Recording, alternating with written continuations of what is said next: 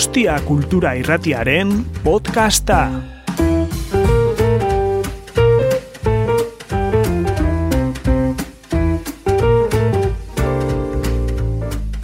Bien, lo que quería decir es que, eh, que aquí se refleja y hemos intentado, hemos intentado distribuir por toda la provincia pues estos valles secretos. Eh, lo cual no quita que había bastantes más valles secretos que hemos tenido que dejar en el, tintero, pues por problemas sobre todo de, pues, de índole editorial. ¿vale? Ahora os contará Joana un poquito eh, qué es esto de la editorial, porque nosotros somos autores, pero es un libro que ha sacado la editorial SUA. ¿vale? Pues sí, eh, no es un libro que sea propiamente nuestro, sino que es SUA quien nos llama porque Em, eh, bueno, el libro pertenece a la colección Euskal Herria. No sé si algunos, me imagino que ya conoceréis esta colección.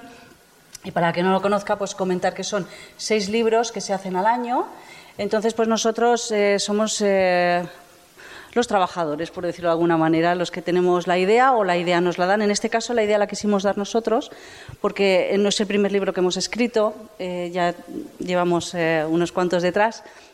Uno de ellos era Crestas y Cordales de Euskal Herria, el otro fue que eh, se publicó en 2020, pues cuando la pandemia, eh, Pueblos de Guipúzcoa con Encanto, y este último de Valles Secretos, porque esos dos libros anteriores nos dieron, en cierta manera, idea de lo que podíamos todavía enseñar de Guipúzcoa, que aunque parezca una provincia pequeña, sí que lo es a simple vista, pero realmente no lo es. De hecho, algo que me llamó muchísimo la atención de la provincia cuando vine a vivir aquí hace 12 años fue precisamente que era pues como un Pirineo pequeñito, ¿no? Muy, muy, muy, todo muy, muy abrupto, eh, que no parece que tenga que ser tan extenso precisamente por, por las montañas y valles que tienen. Y eso es un poco lo que hemos querido reflejar. Y lo que comentaba, por, por ejemplo, Manuel Larramendi, que me encantó lo que leí sobre él lo que, es, lo que él decía sobre Guipúzcoa, es que Guipúzcoa es tierra montuosa que tiene valles llanos pero breves y cortos, que son tantos montes que si se pudieran allanar tendría Guipúzcoa el doble de su extensión. Y efectivamente, si estiráramos de la provincia, pues sería el doble o, quizás el triple, porque está todo lleno de recovecos. Entonces, eh, le presentamos a Sua la idea y a Sua pues, le parece muy bien y pues bueno, eh, hemos hecho esa recopilación de 23, de 23 valles Hubiéramos puesto 100 o 200, lo que pasa que es difícil y SUA te da una directriz que tienes que seguir. Entonces te dicen, bueno, pues como mucho pones 25 o 30, no salgáis de ahí.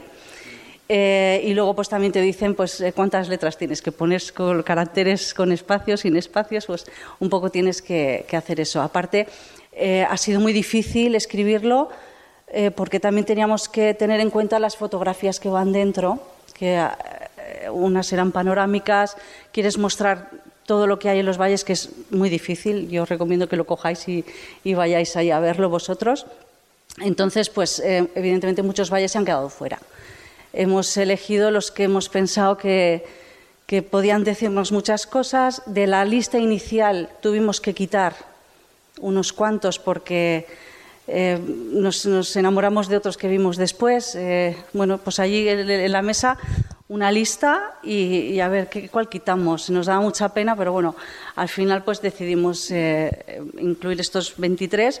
Y bueno, y también decir que lo de, lo de Valles Secretos a lo mejor nos hemos venido muy arriba con el título, porque secretos no es que lo sean. escondidos, quizás. escondidos.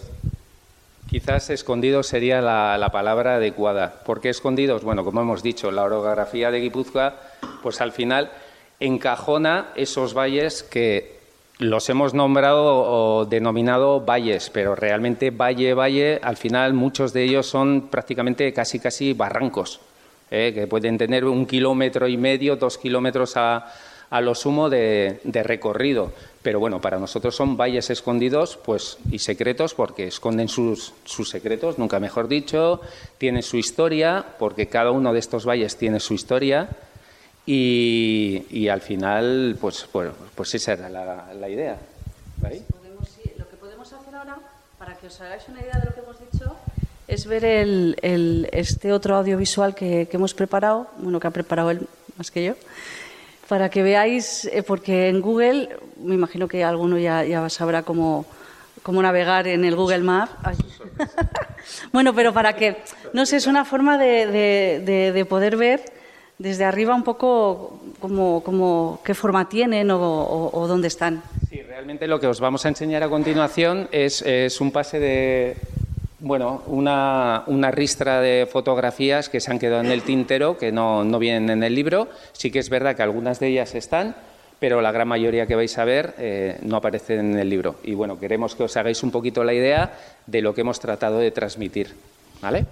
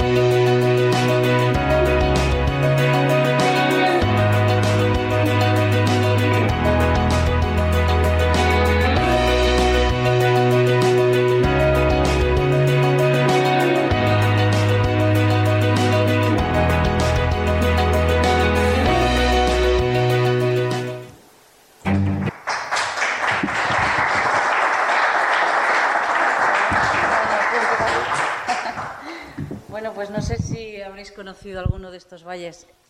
¿Por aquí también puedo hablar? Es que yo muevo mucho las manos y me, y me voy a dar un golpe con el micro al final. Sí, se puede.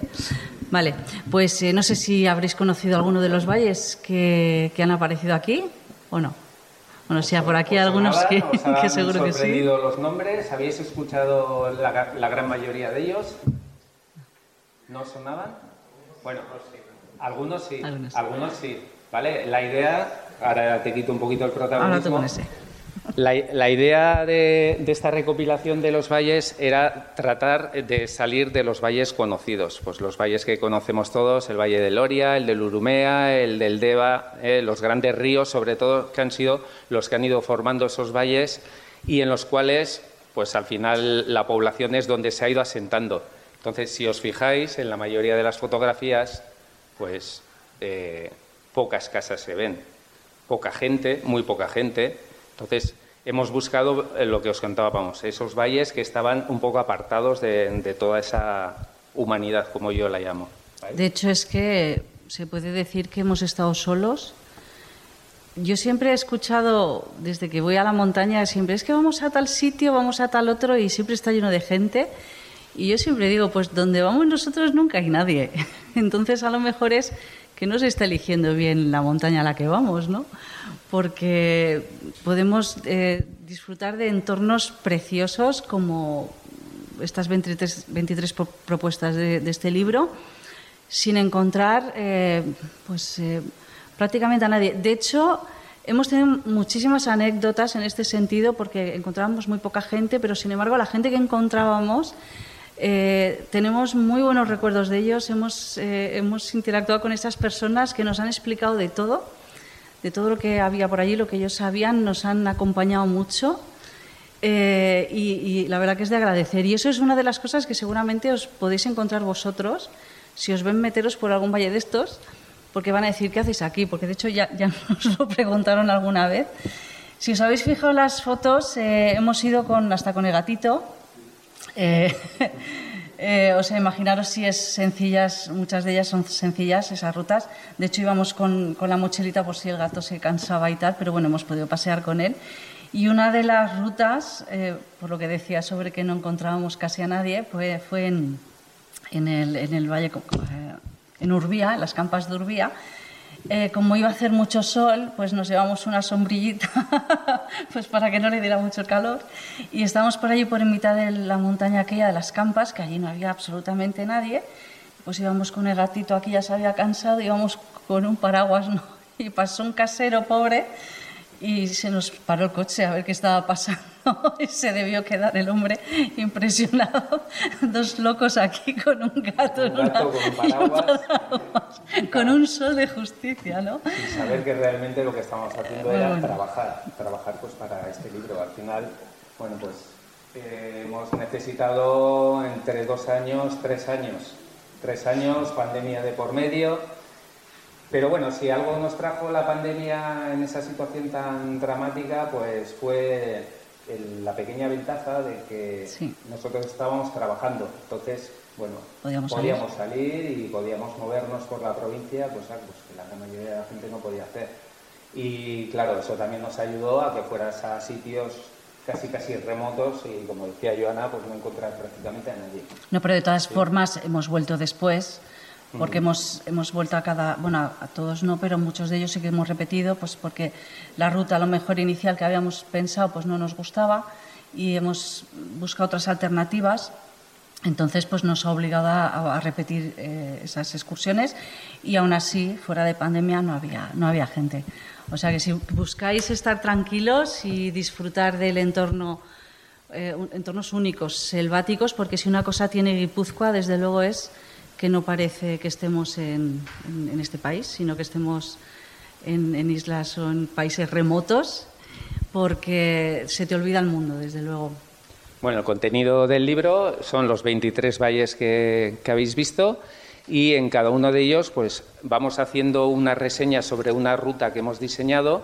La gran mayoría son rutas bastante accesibles que se hacen fácilmente, cómodamente, cómodamente si estás habituado a pues a moverte un poquito por la montaña y a pasear. Y luego hay alguna que se sale un poquito más, pues eh, la que decía ella, por Urbía, que ya tiene más, más, desnivel, es ya un kilometraje, bueno, pues ya hay más dificultad incluso de orientación, alguna por Aralar, el barranco de Arrichaga también que habéis visto, el barranco de Minas, pero las demás están basadas en, bueno, hemos intentado facilitar a la gente que vaya, pues ya que son zonas que no son tampoco muchas de ellas muy, muy visitadas, pues intentar aprovechar pues si había algún algún sendero balizado, pues los típicos PRs con las marcas amarillas y blancas que habéis visto ahí, o algo así sencillito, ¿vale? Entonces, bueno, pues eh, son recorridos que se hacen, pensamos, relativamente fácil, sencillos, y a la vez que marcábamos la ruta, el recorrido, pues eh, íbamos explicando pues, eh, pues características de ese valle, porque al final cada valle pues tiene su, su propia idiosincrasia y, y su historia en un trasfondo. Un valle en el cual comienzas a caminar y no ves absolutamente nada y al cabo de media hora, una hora, de repente te encuentras que empiezan a aparecer antiguos molinos, pues que igual tienen 500 años de historia. Y, claro, pues la gente tampoco está muy habituada a llegar hasta esos, hasta esos puntos. Muchos de ellos, como comentaba Joana, han sido gracias a, pues a gente que nos hemos encontrado por, por estos valles que, que nos han ayudado enormemente, nos han contado bueno cantidad de vivencias, historias, nos han casi casi nos han abierto, bueno, nos han abierto su casa, alguno, sí, alguno le hemos tenido que invitar también para que bueno, ya que nos acompañó en la ruta, pues nos diseñó casi casi la ruta, pues... Eh, de pues todas maneras, eh, si vais al Valle de Arcaca tenéis que tener cuidado y llevar un palo, porque el que vive allí no os va a dejar pasar de ninguna manera y vais a tener que pelear con él. Que lo tenemos aquí con en, nosotros. En el Valle de Arcaca es una de esas eh, fotografías que habéis visto que íbamos, iba yo con otra persona delante, que había un canal en medio que íbamos casi casi haciendo equilibrio. Sí, lo avisamos, ¿eh? También, ¿eh? Lo avisamos. Y bueno, pues ahí para acceder al canal, lógicamente, hay que pedir permiso. Sí, hay que pedir permiso. Es una propiedad privada y el dueño pues es, Ramón, que... Eso es. Sí, que eso hay que tenerlo siempre en cuenta cuando abrimos puertas, cerrarlas y, no dejar. Bueno, eso, bueno, yo creo que huelga decirlo. Mm. Claro.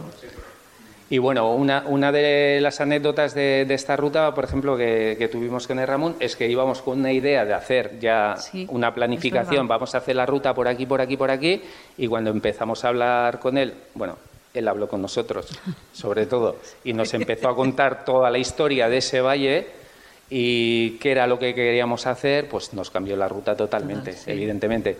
Y bueno, gracias a eso descubrimos lugares maravillosos que no, sabíamos ni que estaban conectados ni siquiera, o sea, fue una sorpresa para eh, Senderos que los utilizaban antiguamente, pero como no están balizados, la gente no va. Sí, entonces bueno, pues eh, aprovechamos para diseñar, pues por ejemplo, una ruta consideramos bastante bastante interesante y a la vez pues conocimos a una persona como es Ramón que pues que compartimos incluso mesa con él y, y, esto es lo que nos llevamos de estos valles, sí, no solo de patear, patear, patear y y no, pues estas vivencias nos llevamos. Pues sí, eh, y no solamente con él, sino con María Jesús en, en, aquella, en aquella en eh, que también eh, aparecimos por allí, la mujer se interesó porque decía, ¿qué hacéis aquí? Entonces le, le explicamos la idea y, bueno, majísima, nos, nos explicó pues muchas cosas que vivieron allí pues hace muchos años atrás, lo que era antes la iglesia, que por lo visto, bueno, la, iglesia la, mantiene ella, pero hay un edificio al lado que, es, que eran las escuelas. Nos explicaba cómo los, también tenían molinos, porque una de las cosas que sí hemos visto en, en la provincia es que eh, había molinos eh, por todas partes, aprovechaban el agua de formas increíbles. Uno de los casos es en Arcaca, por ejemplo todo, el, todo la, lo que tenían montado pues para aprovechar la fuerza del agua y poder generar electricidad. Luego esos molinos se han ido aprovechando también para moler eh, grano, por ejemplo. Y entonces hay muchas e incluso, te corto un poquito, e incluso, como habéis visto, no sé si recordáis una diapositiva que se le ve a, una persona echando chispas en una serrería, ¿sí? Es una de las dos únicas serrerías que hay en todo Guipúzcoa que actualmente se mantienen, ¿sí? Que funcionan, que eran molinos, son molinos que han aprovechado pues, eh, el movimiento de, las muelas para generar electricidad y poder aprovechar las máquinas como aserraderos. Y hoy en día todavía, si queréis visitarlo, está en el Valle de Usarrabi, en el pueblo de La Raúl, eh, cerquita de Asteasú, para localizaros porque es un pueblito muy chiqui. Y bueno, pues es otra de las personas que nos abrió las puertas de su casa, de su molino y, bueno, y nos vio pasar por allí, o sea, no fuimos a demandarlo. Eh, oye, ¿nos puedes abrir? No, no, pasábamos por allí y le contamos un poquito qué era lo que estábamos haciendo y nos puso en marcha el molino, así de 500 años tiene el molino y piensan que a lo mejor tiene, tiene más. Y ahora, pues con el tema de que quieren demoler las presas para favorecer eh, que los peces, pues eh, bueno, las truchas y todos los animales acuáticos, sobre todo eh, el desmán del Pirineo, que yo desconocía totalmente que, en Guipúzcoa existía, y hay varias enclaves en la provincia donde, donde se, se ha visto que todavía eh, vive, pero en unas, unas poblaciones muy pequeñitas.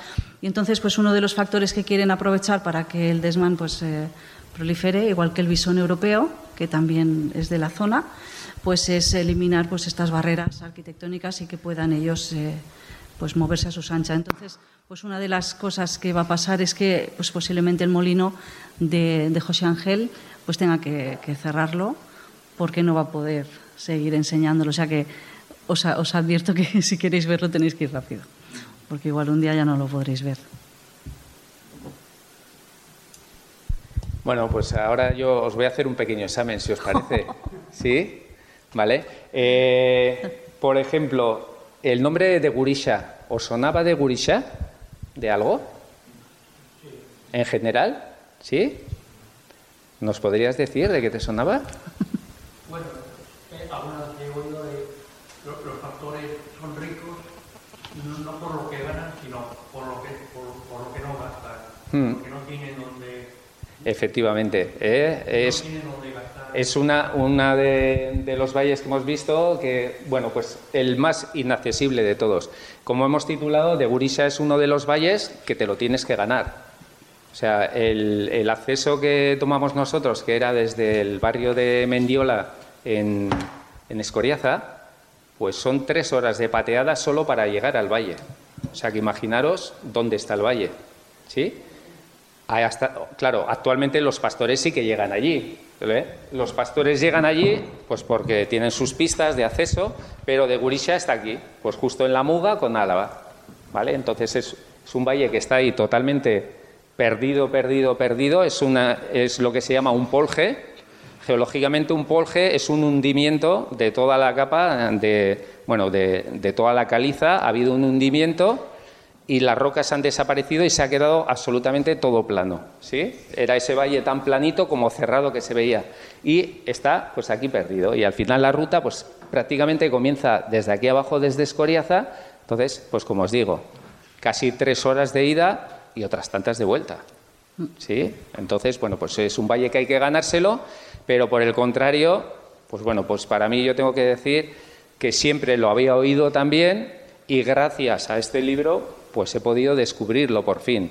Muchas veces por pereza, ya iré, ya iré, ya iré, y ahora pues no me quedó más remedio que ir, no una ni dos, sino hasta tres veces tuve que ir. ¿sí? Como contaba Joana, pues bueno, hay momentos que la luz no es buena, luego el clima igual no acompaña, se te mete la niebla, te das la vuelta, no conoces bien, bueno, pues vuelves. Y esa ha sido un poquito pues eh, la cocina que hemos hecho de estos valles. Y así, ese tipo de geología que él comentaba, los poljes, eh, no es el único que hay en Guipúzcoa, hay varios más. En el libro, aparte de, de, Gurisha, también se contempla la parte de, mm, de Olatz. No sé si conocéis el, bueno, os sitúo en el mapa. ¿eh? Olatz está en la otra punta también de Guipúzcoa, justo en el extremo noroeste, nor-noroeste, pegado a lo de Mutricu. Aquí estaría Mutricu y justo en la Muga con Vizcaya, ¿eh? justo con Ondarroa. Y Olat, pues es un polje, también otro valle que está, es un valle colgado además. Sí. Y bueno, accesible sí, por carretera sí, no hay problema. Es un barrio de Mutricu que en dos kilómetros se sube y sorprende.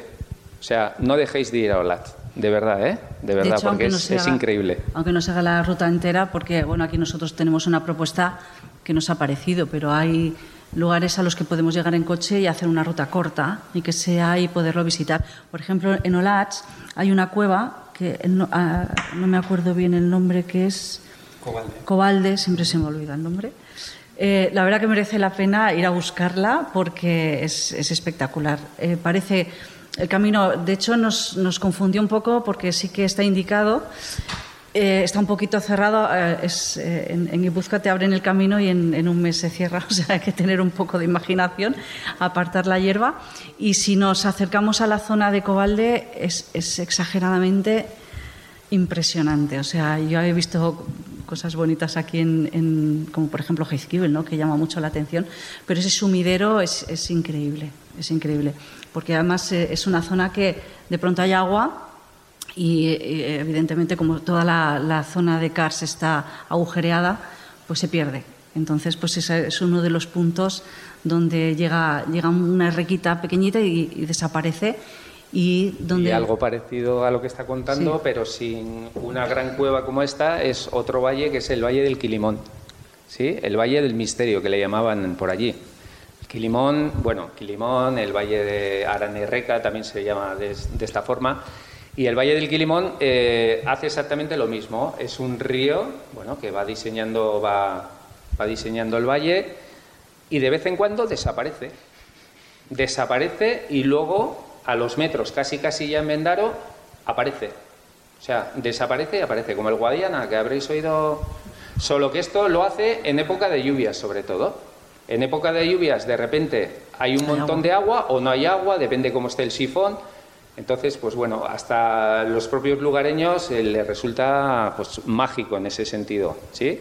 Y sí que es verdad que yo lo que quiero comentar, eh, particularidades de estos valles, sobre todo, eh, pues que de repente estás en, una, en, un pueblo como Villabona, que ya conocéis todos Villabona, que hay bueno, pues muchas casas, pasa la carretera nacional por allí, y dices, es imposible que allí pueda existir un valle secreto. Bueno, pues sí, existe.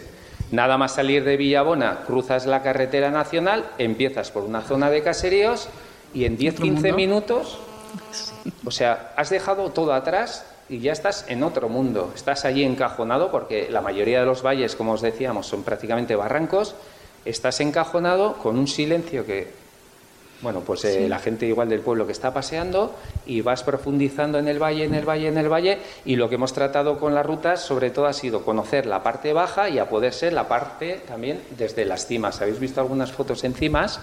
Sí. Entonces tratábamos un poquito de eso. Sí, porque eh, hemos discutido un poco, eh, hablando, haciendo el libro, o sea, no, las cosas, no. las cosas como sean, porque bueno, él de ruta se entiende mucho más que yo.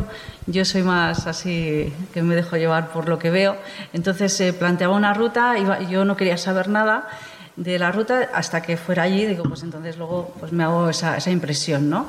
Entonces llegábamos a la zona y decía, esto no me gusta oh, ¿por qué tal? Y, bueno, discutíamos en ese sentido en, de, de, buenas maneras, claro. Entonces, pues íbamos planteando, oye, ¿y por qué no subimos desde arriba? Porque habían valles a lo mejor que estaba todo tapado y sí que es muy bonito ver una zona ahí muy cubierta, sobre todo cuando es verano. Pero a lo mejor 23 valles así resultan pesados, ¿no? Siempre lo mismo. Entonces, oye, ¿y por qué no vamos arriba? Vamos a buscar una opción para que así veamos por dónde estamos yendo y quede abajo y tal. Y así pues surgieron muchas ideas muy buenas. Una de ellas, por ejemplo, a Yenus Arabi, que la idea principal, que a mí me parece un poco, un poco, poco exagerada, pero digo, bueno, no lo sé, quién va a coger este libro, digo, igual se acuerda de nosotros. Y la idea era partir desde la Raúl, eh, por, por, la zona donde está la, la ferrería, y bueno, en el libro donde ya giramos, que ahí decidimos ya que íbamos a cambiar la ruta, la ruta seguía hacia arriba, hacia arriba, hacia arriba, con un desnivel bastante considerable y la hacíamos llegar hasta Hernio y luego, y luego retroceder. Y, y, le dije, bueno, igual vamos a recortar esta ruta un poco porque posiblemente no la visiten. Entonces, cuando llegamos a casi al final del valle, el valle es precioso también ahí hay una ferrería que han restaurado, está, es, es, muy bonita, es bonito de ver porque son muros que tienen pues 500 años, entonces la sensación es indescriptible, desde luego. Entonces lo que hicimos fue eh, pues, eh, aprovechar el PR que tiene el mismo ayuntamiento, porque pensábamos que no había que inventar ninguna ruta ahí, sino simplemente darle, darle publicidad a esa que ya existía porque la verdad que es maravillosa. Y si ya terminas eh, comiendo en el restaurante que hay en la Raúl, vamos, la ruta esa la abordáis, pues se come muy bien, ¿eh? y no quiero hacer publicidad, pero se come muy bien. Em, ¿Qué más os quería contar sobre, bueno, eh, en este sentido? Bueno, sí, es las rutas... hemos recortado algunas, pero, eh, pero bueno, estábamos diciendo que eso, que era un poco pues para no ser siempre eh, cansinos. Luego hay otras que estaba pensando en, en Basabe, que eh, en Basabe, en, esa... sí, lo que estoy viendo ahí, bueno, aparte de, verme a mí con el gato, sí. Se llama Chori. Bueno, esto es una cuevita que está en Olat, si no recuerdo mal. en Olat, sí, de Gentilechea. Vale, Gentilechea, bueno, pues que tiene su historia y ya solo llegar hasta ella no es fácil. No es fácil porque está, bueno, hay que desviarse de lo que es la pista principal y hay que buscarla un poquito, ¿vale? Entonces, bueno, pues eh, al final, pues vamos contando esos pequeños detalles. Eh, hay alguna también, como por ejemplo en el Quilimón, otra cueva muy, muy importante, muy famosa, Itzbelt, que para llegar a ella también pues tiene su, su, misterio, sobre todo si vais en temporada donde la vegetación haya crecido, porque os, va, os va, a costar pasar. Pero bueno, toda esta, toda esta serie de, de avisos los damos a la hora de narrar la, la, ruta en el libro, pues avisamos este tipo de cosas, ¿no? Pues cuándo es la mejor época para hacerlo, eh, como os decía antes, la distancia que pueda tener, pues para ver si se puede adaptar a, a nuestras posibilidades, pero siempre hay bueno, hay que dejar para la sorpresa, ¿no? Tú te pones a hacer una ruta y no tienes por qué hacerla como la hemos hecho nosotros. O sea, tú te puedes diseñar tu propio recorrido, a cortarlo incluso o, hacerlo de alguna otra forma. ¿Sí? Luego otra, otra de las cosas que, quería comentar antes que se me había ido de la cabeza era lo que estábamos hablando de los poljes y de los sumideros. Pues uno, uno que es increíble e impresionante es el que hay en Arcaca, en, el manantial de Osinverde, que eh, el agua que brota de allí viene desde, desde la Sierra de Aralar, desde. Em, se llama el. se, me ha, se, me ha, olvidado. Eh, Tú lo sabes. Toda, la zona, toda, la zona, que abarca. El nombre se me ha olvidado. Desde, desde Gambo hasta Indaraza, la zona mm. de Aloza, Ondarre. la parte más alta de la recoge las aguas ahí. Sí. La Sierra de Ondarre. Es que no tenía conocimiento, por eso muchas cosas me las he apuntado, porque me, dediqué a buscar, o sea, que aparte de escribirlo y, recomponerlo, estuvimos haciendo labores de investigación ya simplemente por, por gusto, porque la verdad que era. era, nos, era sí, al, al final, bueno, pues ha sido un trabajo preparar todo esto, pero lo que te llevas, como decía, las vivencias, los lugares nuevos que hemos descubierto.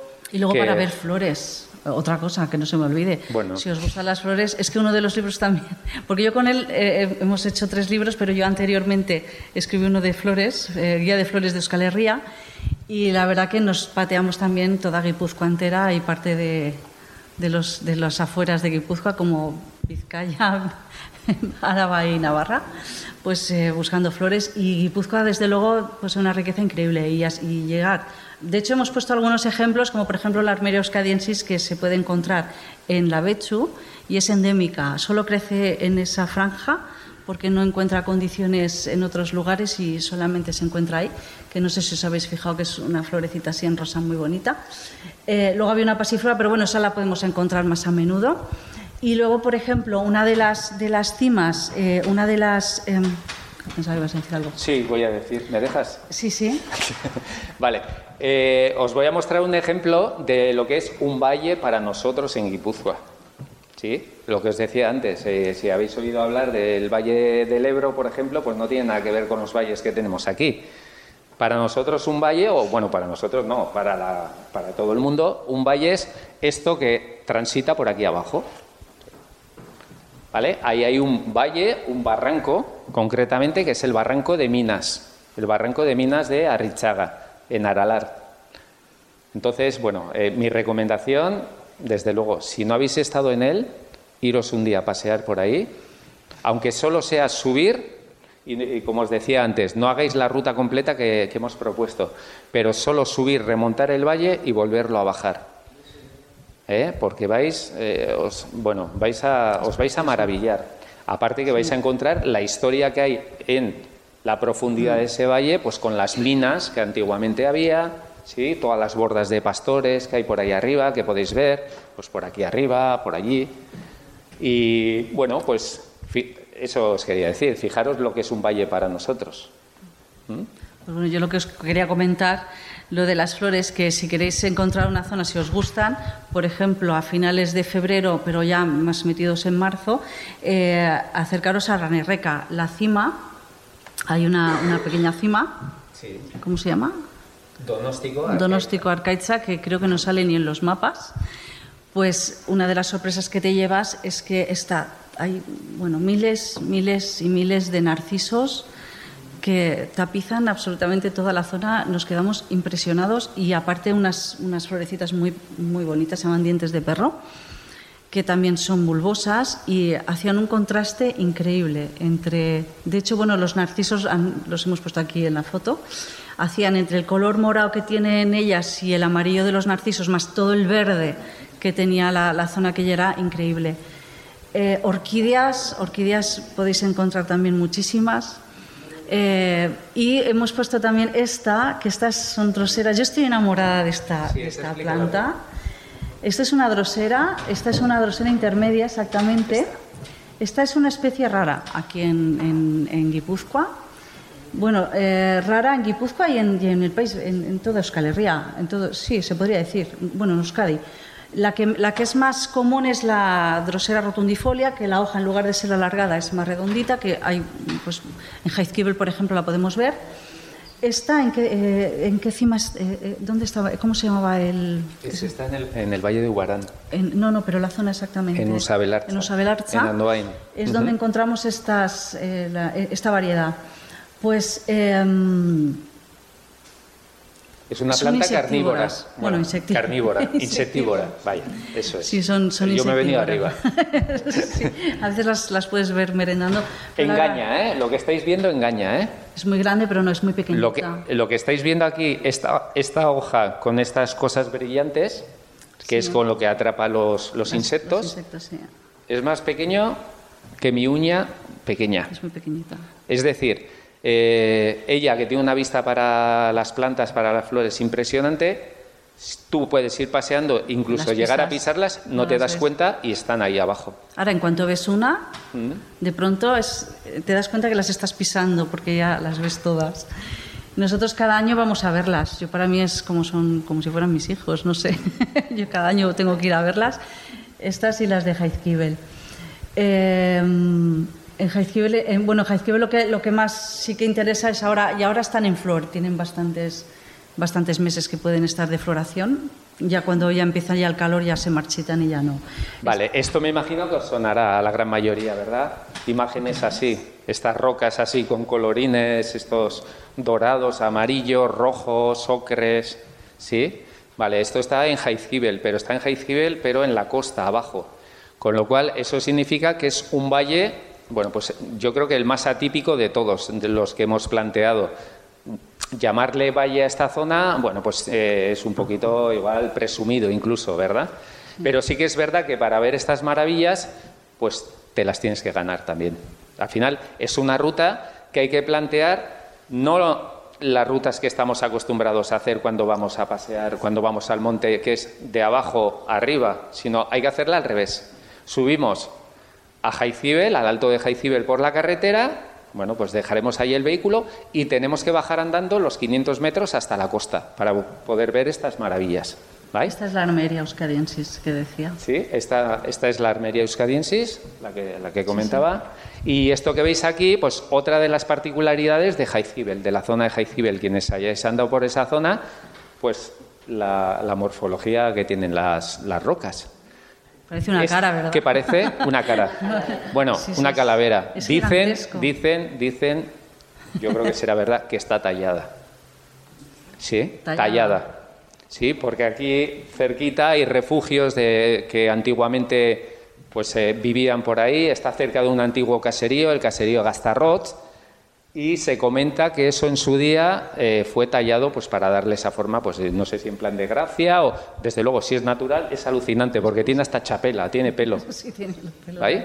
Entonces, bueno, tú vas allí y el momento de luz que nos tocó, que parece que tiene las cuencas de, de la calavera, o sea, bueno, pues eh, nos llamó la atención y ahí que tiramos, ahí que tiramos la foto. Las fotos Todas son no hemos comentado, pero en, eh, son fotos Todas. nuestras, quitando dos que están en el libro que, que metió la sí, editorial. que- y que, bueno, y, y- y que Ramón que nos cedió la de la, la de la Sima, la- la del manantial, porque ese manantial se, en, en Arcaca, ahora me, me cambio de valle, no lo quites porque voy a hacer un comentario también de, de este valle. Eh, esa, esas, esas simas eh, eh, bueno, eh, intentaron averiguar como si el agua que venía de, la Sierra de Aralar pues era la misma que llegaba allí. Entonces se hicieron prospecciones y se llegó a bucear por, ese manantial y la verdad que las fotografías que... Una de ellas está en el libro porque tenía que formar parte de él. Es, es espectacular. O sea, uno llega allí y no se puede imaginar lo que, lo que esconde toda esa montaña. Y esta fue una de las rutas que tuvimos que cambiar precisamente porque eh, una vez que ya llegamos a la zona del valle propiamente dicha, teníamos que continuar eh, bueno, subiendo hasta la parte alta para, para volver a, desandar el, camino, pero había una zona de nidificación de, buitres, entonces eh, sí que hay, se puede pasar en algunas épocas del año, pero cuando hay época de cría no, y para evitar bueno, que no vaya demasiada gente, pues decidimos hacer la ruta que hay ahora planteada, que pensamos que también está muy bonita. Porque nos sigue exactamente, sería yo creo que la única que nos sigue pues todo lo que es el valle en su, en su, en su totalidad. Sí, en, en el trasfondo del barranco, Sí. pues por eso. Por Y luego en Basabe nos pasaba también lo mismo, la tuvimos que variar porque la idea original era andar por todo el barranco, pero por todo el barranco, bueno sí, porque al final se estrecha tanto que ya es un barranco, que al final eh, los molinos que hay al extremo, al- bueno, al final de, de este barranco, eh, pues mm, bueno, las personas que viven allí pues lo han cerrado a cal y canto, han puesto allí, bueno, mejor olvidarlo, pero sí que merece la pena llegar hasta allí, aunque luego tengamos que retroceder, porque solamente ese cachito de, de vallecito es que una de las fotografías estaba por aquí, estaba Chemi ahí sentado en una piedra, que ahí estuvimos un montón. Bueno, es que eh, se nos ha ido el Oremus en todos los valles estos. eh, se nos ha perdido el tiempo. En algunos hemos, en- bueno, en Jaizkibel hemos vuelto de noche en muchas ocasiones, porque al final eh, hemos alucinado tanto que, que se nos, bueno, se nos ha pasado. Bueno, de hecho en el, en el libro, eh, no lo hemos mostrado aquí, pero por ejemplo en Heizkibel hay una fotografía, hay una fotografía de, de una formación, bueno, que es muy singular, que le llaman la catedral, que para poder sacar en condiciones esa fotografía, pues tienes muy pocas oportunidades a lo largo No del año. No sé si, ¿Sí? si lo ves desde aquí. ¿Vale? Esto está tomado de lo que habitualmente... eh, La marea llega hasta Llega la marea hasta Sí. ahí. Entonces tiene que ser una marea que se llama viva, que retroceda mucho, mucho, mucho, en unas condiciones además de, ya de atardecer, para que la luz entre bien Que no haya llovido. y que haga buen tiempo. Con lo cual, pues bueno, eh, Sí, tuvimos, patina todo eso. tuvimos que estar hacer unas cuantas incursiones allí hasta dar con el momento Y no adecuado. fiarse, porque nosotros teníamos claro que la marea estaba baja y una de las olas me pilló. O sea, que en una de estas es, es peligroso. Pero bueno, eh, si se tiene en cuenta, de hecho, estuvimos mirando eh, bueno, en internet las horas, calculando, mirando, preguntando a la gente a ver cuál era el momento ideal. Y, aún así no era el momento perfecto, pero bueno, o sea que. Y luego, bueno, pues eh, otras fotografías, este sería, este sería ruta- el la ruta barranco al principio mm, iba pues, pues, por el medio, el medio, o sea, recorriendo todo el barranco. Trataba de subir así, pero claro, toda esta zona de por aquí es la zona más sensible a, a la nidificación, entonces pues decidimos descartarla.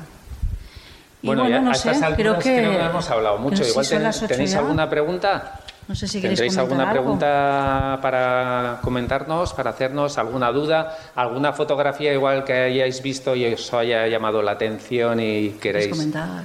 Que la comentemos porque ya habéis visto que hemos hecho el pase rápido. Eh, Ah, bueno, esto, esto, esto es en la zona de Urdaburu.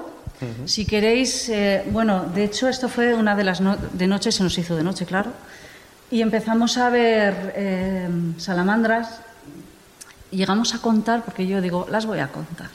Todas las que vimos pasamos de las 100, ciento... Y ese día subimos, esa noche, subimos a Urdaburu, sí, porque a veces aprovechamos para entrenar un poco, entonces hicimos cima en Urdaburu y lo que había en la cima era, eh, bueno, exagerado, de, pues se ve que habían criado, no lo sé. Yo es que no entiendo mucho de estos animales, pero me quedé impresionadísima de la cantidad que había. De hecho, es ya de cara al atardecer y eh, en otoño, de, a mediados de otoño, así más o menos, eh, si es de noche, mejor. Cuanto más de noche, pues más, más vamos a encontrar. De hecho, desde la casa, ¿cómo se, desde mm, Malvázar, desde el collado de Malvázar, un poquito más hacia, más hacia el restaurante este que hay que en, de Susperregui, ahí todavía encontramos algunas, pero desde Malvázar hasta arriba era, vamos, para volverse loco. Si os gustan los animalitos, porque bueno, vais a encontrar montones. Y luego eh, bueno. y bueno, bueno, y otra de las de las lo que pasa que igual a lo mejor no os acordáis, pero bueno, yo creo que sí. Cuando en una de las excursiones em, en Orexa era el valle de Basabe, eh, resulta que eh, donde decimos que hay que aparcar el coche para ponerse a andar, si retrocedes un poco hacia atrás, en una pista que hay en dirección a un molino antiguo que allí todavía quedan los restos, hay una fuente extraordinaria que merece la pena también, tanto si quieres coger agua como a la vuelta, estar ahí porque parece una ducha además, ¿eh? o sea, si os queréis refrescar, eh, una maravilla, desde luego. Son esas cosas pequeñitas que, hemos disfrutado.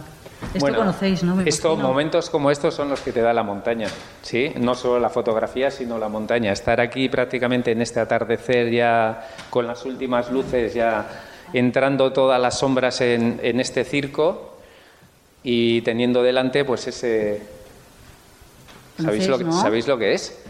Sí, algunos ya sé que sí, porque vivís cerca. ¿Sabéis? Sí, ¿no? Suena, ¿verdad? ¿Eh? Chindoki, ¿vale? Esta vista de Chindoki tampoco es muy típica desde esta, desde esta parte.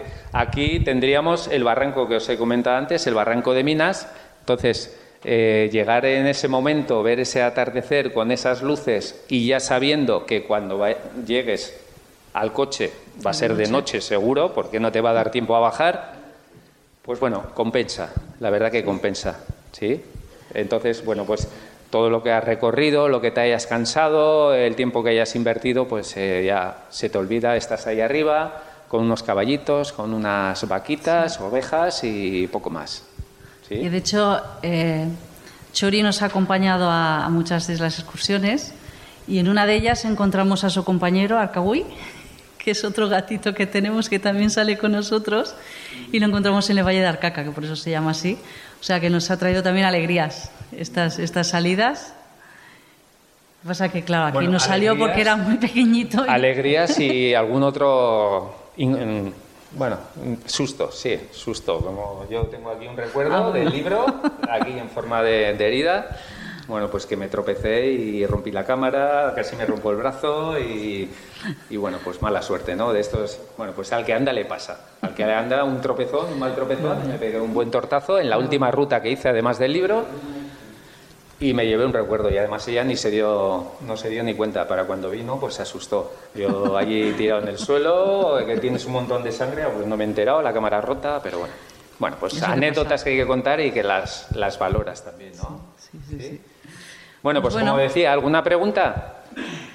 Si queréis preguntando, ¿sí?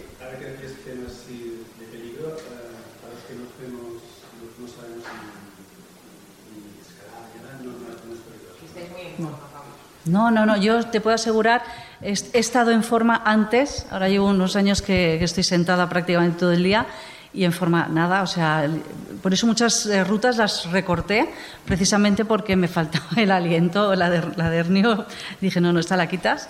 Entonces, pues eh, buscamos rutas que mínimamente que, puedas caminar, porque la más larga, eh, ¿cuántos kilómetros? Bueno, eh, a ver, la más larga es la de Degurisha, esas, la, o Urbía. La que se mete en, en Degurisha, Urbía, que se pueden ir 5 o 6 horas, pero hay rutas de 2 horas y media. Que se pueden hacer muy bien.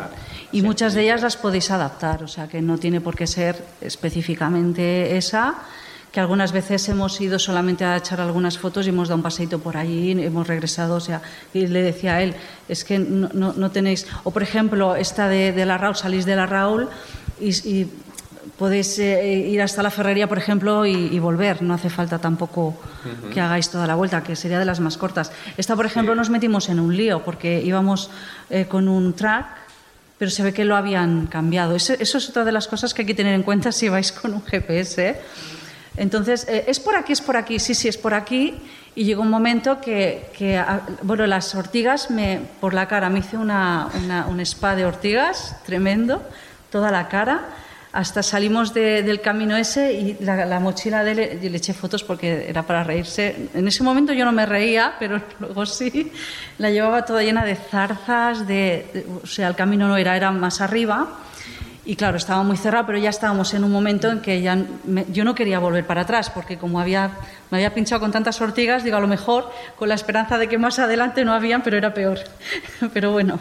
Sí, bueno, en el libro tratamos, no, no, hacemos una reseña, pues eh, ahora tienes que girar a la izquierda, ahora a la derecha, ahora hay un cruce. Tratamos de, que sea un poquito genérico, ¿no? Un poquito general. Pero se sigue bien. Pero se sigue, creemos que se sigue bien, acompañamos también de un mapa con, con indicaciones, entonces, bueno. O sea, lo peor que puede ser eso que he contado, ¿eh? Las ortigas y, y que a lo mejor algún camino pues se haya cerrado, pero vaya, los caminos que hemos elegido creo que no se pueden la gente va. Y el, a lo mejor el único, así un poquito, con un poco más de, que has dicho ahora, de trepar y destrepar, sería bajar a la Bechu, que es un poco mm, más, eh, no, no, es peligroso, pero sí que tiene un puntín. Bueno, porque hay que sí, peligroso no, pero es que impresiona, impresiona más que otra no cosa. No está marcado, marcado, entonces tienes que tirar un poquito también del sentido de la orientación en algún momento. Si hay, ha llovido mucho, pues sí que igual te puedes patinar con el barro y luego hay zonas que están con una cuerda. A ver, que en esa roca no es ningún problema porque hace muchos cazos y es como escalones. Porque claro, si a lo mejor no tienes costumbre, pero poniendo un poco de cuidado, eh, se hace sin problema. Pero sería el único, porque estoy pensando ya si no hay ninguno no, no Hay especial, no, hay especial. Lo único que os confundáis a lo mejor de camino y os metáis en un lío como nos hemos metido nosotros. Pero bueno, muchas veces hay que tirar del sentido común. Mm. En el momento en que empiezas a ver que esto no es muy claro, joder, pues Joana y Chemi no son tan malos de llevaros por esos sitios. Pero bueno, lo en, en, otros libros igual sí, porque ya nos han avisado, pero en este no. En Crestas este y Cordales hasta, hasta bueno, mm. hasta yo me acuerdo de yo y de él.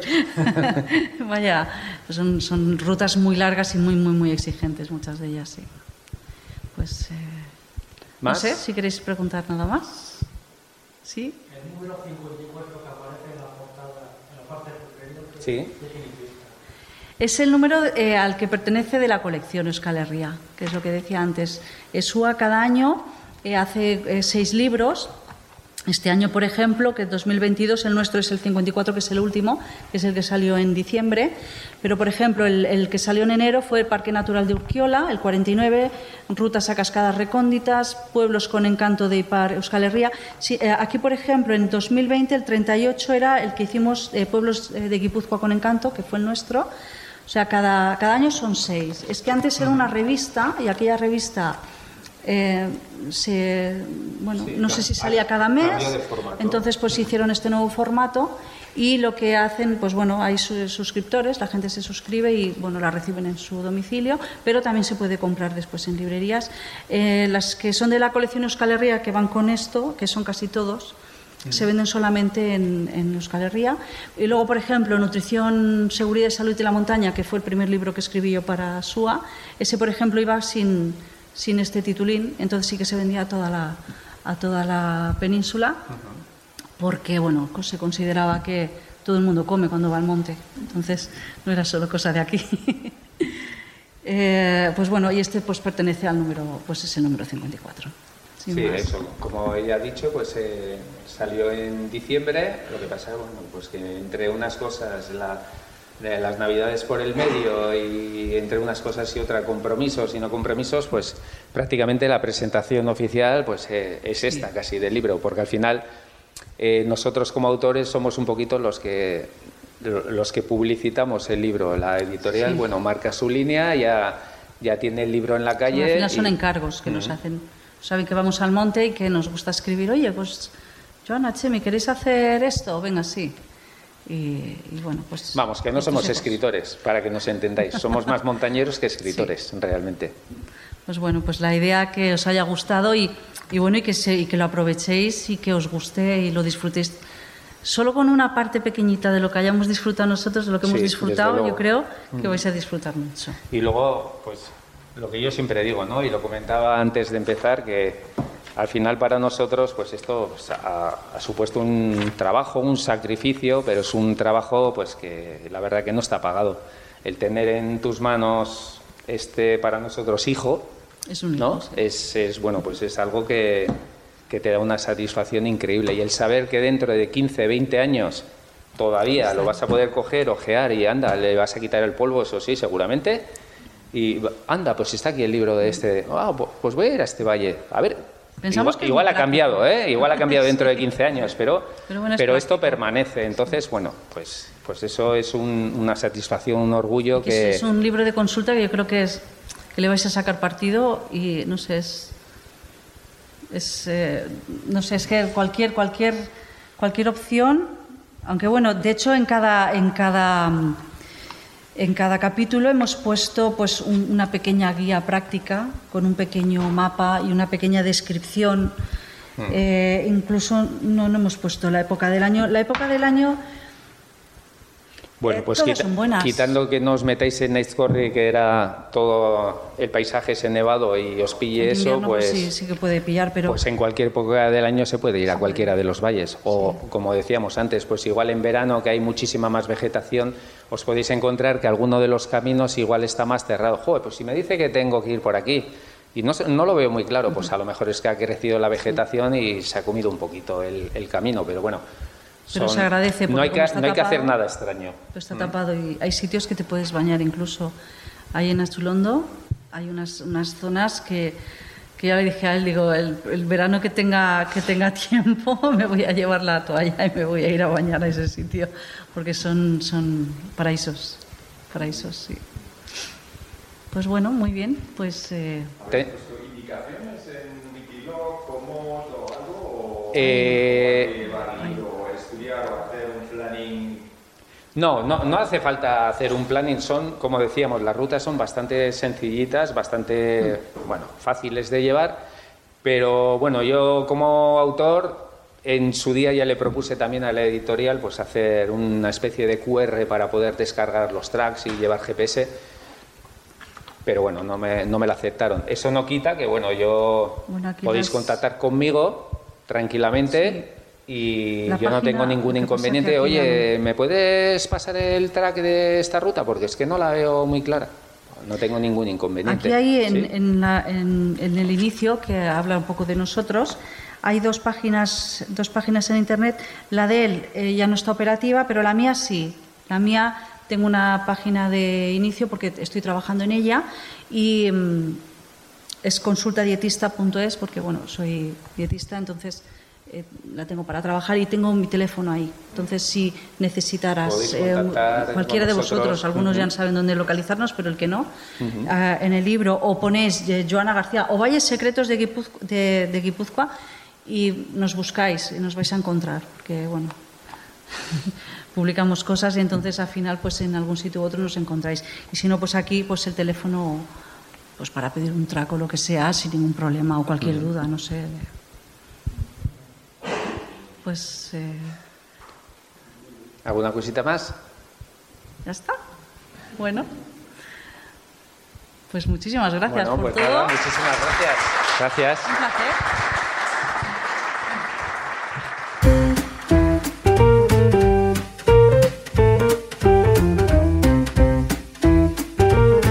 Donostia Kultura Irratiaren podcasta.